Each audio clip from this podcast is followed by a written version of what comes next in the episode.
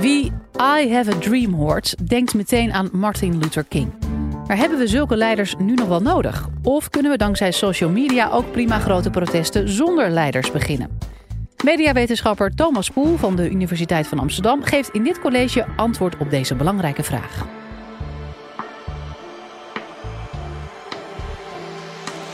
Live vanuit Club Air is dit de Universiteit van Nederland. I have a dream that my four little children will one day live in a nation where they will not be judged by the color of their skin, but by the content of their character.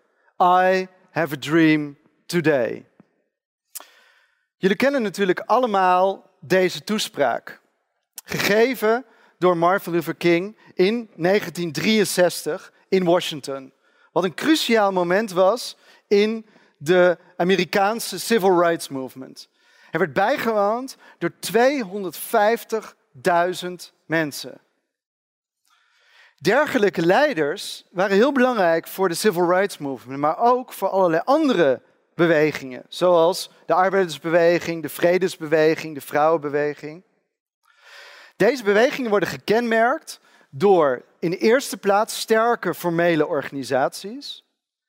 Martin Luther King leidde de Southern Christian Leadership Conference. En ten tweede werden ze natuurlijk gekenmerkt door prominente bekende leiders. Die optreden in de massamedia, die klassieke redenvoeringen houden en die ook politieke eisen formuleren. Als je nu naar de berichtgeving kijkt in de kranten en op televisie en ook in de wetenschappelijke literatuur, dan lijken echter deze leiders en ook die organisaties voor een groot deel uit beeld verdwenen. Als je kijkt naar de Arabische lente of naar de Occupy-protesten uit 2011, dan lijken het bijna leiderloze bewegingen. En nu heb ik een vraag voor u. Denken jullie dat protest tegenwoordig zonder dergelijke leiders kan? Dus zonder die Martin Luther Kings. Wie denkt dat het inderdaad kan? Wie denkt dat dat soort leiders nog steeds belangrijk zijn? Gaan opsteken. Een grote meerderheid denkt dat dat soort leiders nog steeds belangrijk zijn. Nou, daar gaan we het in dit college over hebben.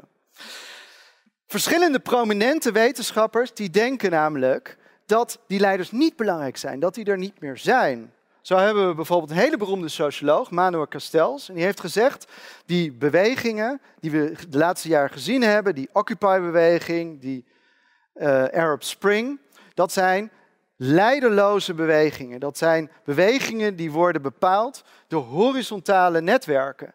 En die draaien voor een belangrijk deel, zegt hij, om een cultuur van delen. Als we echter naar gedetailleerdere studies gaan kijken, dan zien we dat een groot deel van u toch wel een beetje gelijk heeft. Want wat zien we namelijk? We zien nog steeds leiders een rol spelen. Leiders spelen een rol op sociale platformen, in sociale mediacommunicatie en we zien ze ook offline optreden. En nou wil ik uit mijn eigen onderzoek voorbeelden laten zien hoe dat dan gebeurt, hoe die leiders een rol spelen. Met een uh, Tunesische collega heb ik onderzoek gedaan naar uh, tweets met de hashtag Sidi Bouzid. Een hashtag, eh, voor degene die dat niet weet, een hashtag is een teken waarmee een onderwerp wordt aangeduid op Twitter. En Sidi Bouzid was de plaats waar uh, Mohamed Bouazizi zich op 17 december 2010 in brand stak. Bouazizi was een, uh, een fruitverkoper en zijn waren waren afgepakt door de politie. En het wanhoop stak hij zichzelf in de brand. In reactie daarop braken de rellen uit. Eerst in Sidi Bouzid zelf, maar die rellen die verspreidden zich volgens verder. En het werd een veel breder protest, wat uiteindelijk ook Tunis bereikte, de hoofdstad van Tunesië. Uiteindelijk werden die protesten zo groot dat ze het einde betekenden van, het van de dictatuur van Ben Ali. Die op 14 januari 2011, dus ongeveer 30 dagen later, het land uitvluchtte. Voor dit onderzoek hebben wij in totaal 100.000 tweets verzameld. Uh, verzameld van 18 december 2010, dus de dag nadat die rellen begonnen in Sidi Bouzid, tot 15 januari 2011, de dag nadat eh, Ben Ali Tunesië was uitgevlucht. Die tweets zijn gestuurd door ongeveer 12.000 gebruikers. En we hebben ons daarbij bij de analyse van die tweets vooral gericht op de prominente gebruikers in die Twitter-set. Dus de gebruikers die het meeste tweeten, die het meeste ook geretweet werden. En die ook door andere gebruikers werden aangewezen als hele prominente gebruikers. En een vraag daarbij was, in wat voor opzicht kunnen we die prominente gebruikers nu als leiders begrijpen? Het eerste wat opvalt als je kijkt naar die Twitter-communicatie van die prominente gebruikers, is dat ze in verschillende talen tegelijkertijd tweeten. Dus we hebben naar de 800 meest uh, actieve gebruikers gekeken en eigenlijk allemaal tweeten ze zowel in het Engels als in het Frans als in het Arabisch. En het Frans en het Arabisch waren natuurlijk de talen die gebruikt worden in Tunesië. En interessant is dan, als je naar de inhoud van die tweets kijkt, is dat ze in die verschillende talen over verschillende onderwerpen tweeten. Dus in het Engels werd er heel veel getweet over mensenrechten en heel veel getweet over sociale media. En vooral natuurlijk het gebruik van sociale media tijdens de protesten. Sterker nog, in die Engelse tweets leek die Tunesische opstand bijna een Twitter-revolutie. Een voorbeeld daarvan is deze tweet.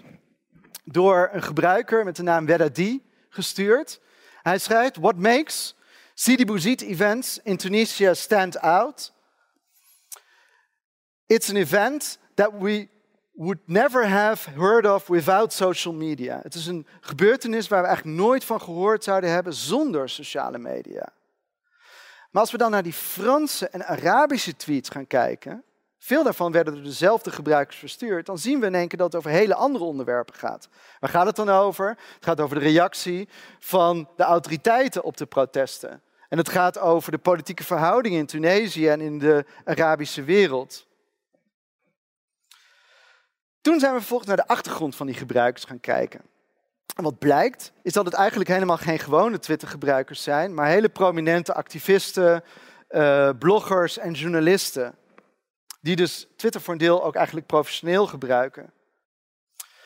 De volgende stap in het onderzoek zijn we die mensen gaan interviewen. Toen zijn we twaalf prominente gebruikers gaan interviewen en hebben ze gevraagd over hoe gebruiken jullie die verschillende talen nou eigenlijk en waarom tweeten jullie over die, die specifieke onderwerpen in die verschillende talen.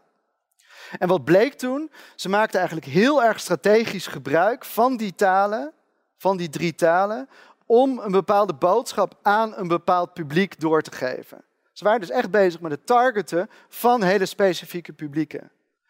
Deze communicatiestrategieën en verbindingen die werden overigens ook al jaren voor de protesten van 2011 ontwikkeld.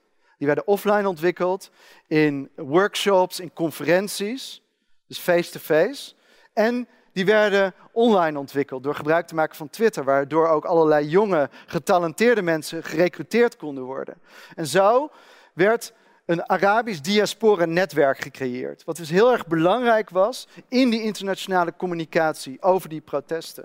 Die sociale mediastrategieën die in dat netwerk ontwikkeld worden, gaan in de kern dus om het circuleren en targeten van informatie. En dat is in eerste plaats het verzamelen van die informatie, het verzamelen van informatie over die straatprotesten die plaatsvinden. Dan vervolgens het selecteren van informatie die interessant is voor die, al die publieken die ze willen bereiken.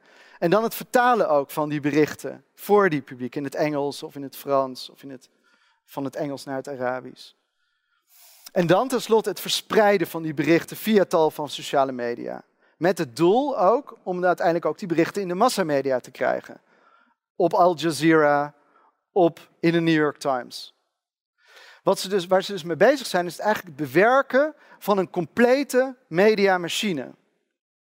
Wat dus in dit onderzoek opvalt, is waar de leiders van vroeger, dus de Martin Luther Kings, vooral bezig waren met het bespelen van de massamedia en van de massa via speeches, zien we dat de leiders van nu, die sociale media leiders, die we op Twitter tegenkomen, dat die eigenlijk veel meer bezig zijn met het bespelen van die complexe media-ecologie, waar eigenlijk die massamedia pas in de laatste stap inkomen. En de leiders van het verleden waren heel erg media celebrities, terwijl de sociale medialeiders van nu veel meer in de anonimiteit functioneren. Nou, om nou verder inzicht te krijgen in de manier waarop leiderschap via sociale media vorm krijgt, wil ik nu naar een tweede onderzoek gaan. Dat gaat over Facebook in de aanloop naar die Egyptische revolutie. En ook hier zien we weer hoe marketing een belangrijke rol speelt. Een belangrijke leider in de Egyptische revolutie was deze man.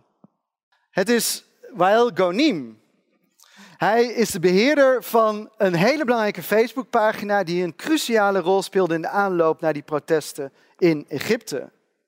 Hij was de beheerder van de We Are All Khaled Said Facebookpagina. Daar hebben jullie misschien wel van gehoord. Die dus een belangrijke rol speelde. Hij richtte die pagina op nadat Khaled Said, een jongen van eind 20, in de zomer van 2010 dood was geslagen door de politie. Dat gebeurde in Alexandrië. Hij creëerde die pagina uit woede en het protest tegen die moord.